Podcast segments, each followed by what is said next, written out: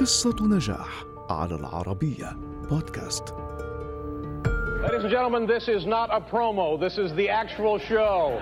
على مدار خمسة عقود كان ديفيد ليترمان شخصية فريدة في مجال صناعة الترفيه عبر استخدامه خليطا من الكوميديا والسخرية اللاذعة وجرأة نادرة في قول الحقيقة خلال حواراته مع الضيوف فجعلته أحد أكثر مقدمي البرامج متابعة وشهرة ونال العديد من الجوائز وجمع ثروة تقدر بنصف مليار دولار. ولد ديفيد ليترمان في إنديانابوليس بأمريكا عام 1947 وحصل على بكالوريوس في الإذاعة والتلفزيون من جامعة بول ستيت في إنديانا عام 1969 وأثناء دراسته في الجامعة تم فصله من المحطة الإذاعية التي كان يعمل فيها مذيع أخبار فقام بتأسيس محطة أخرى في الجامعة.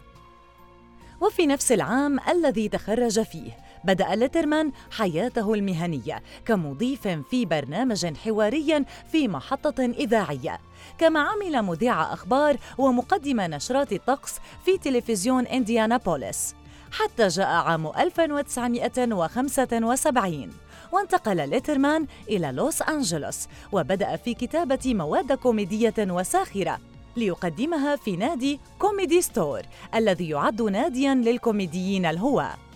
في عام 1978 ظهر ليترمان لأول مرة في برنامج The Tonight Show الذي يقدمه جوني كارسون واستمر في الظهور كضيف منتظم لمدة عامين حتى أتته أول فرصة كبرى عام 1980 وبدأ برنامجه النهاري The David Letterman Show على قناة NBC وعلى الرغم من حصول ليترمان على جائزتي ايمي فإن البرنامج فشل في جذب انتباه المشاهدين. ولم يستمر عرضه سوى ثلاثة أشهر فقط لأن روح الدعابة التي كان يقدمها ليترمان لم تكن مناسبة خلال النهار.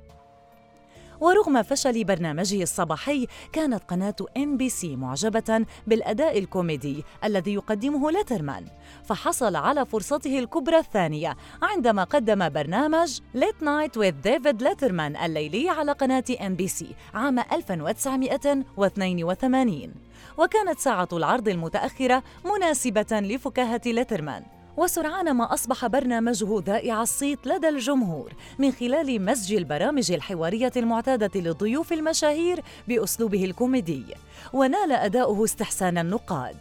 وفي عام 1992 أعلن جوني كارسون عن تقاعده وترك برنامجه The Tonight Show وأبدى ليترمان رغبته في استلام البرنامج إلا أن مسؤولي NBC اختاروا جاي لينو. ليحل محل كارسون ما أدى إلى استياء لترمان وفسخ تعاقده مع NBC وانضم بعدها إلى شبكة CBS لاستضافة برنامجه الخاص Late Show with David Letterman الذي استمر في تقديمه لمدة 22 عاماً.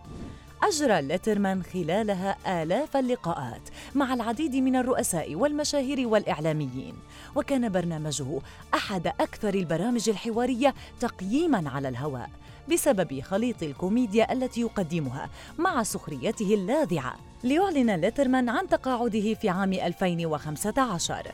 لم يدم تقاعد ليترمان كثيرا فعاد في عام 2016 بسلسلة وثائقية بعنوان Years of Living Dangerously التي عرضت على ناشونال جيوغرافيك وركزت على تهديدات تغير المناخ. وفي عام 2018 قدم ليترمان برنامج My Next Guest Needs No Introduction على نتفليكس وبعد هذا المشوار الطويل والحافل بالنجاحات. وصل دخل ليترمان السنوي عام 2007 إلى 40 مليون دولار وتقدر ثروته حالياً ب 480 مليون دولار كما صنفته فوربس عام 2009 في المرتبة الرابعة عشرة ضمن أكثر الشخصيات نفوذاً في عالم الترفيه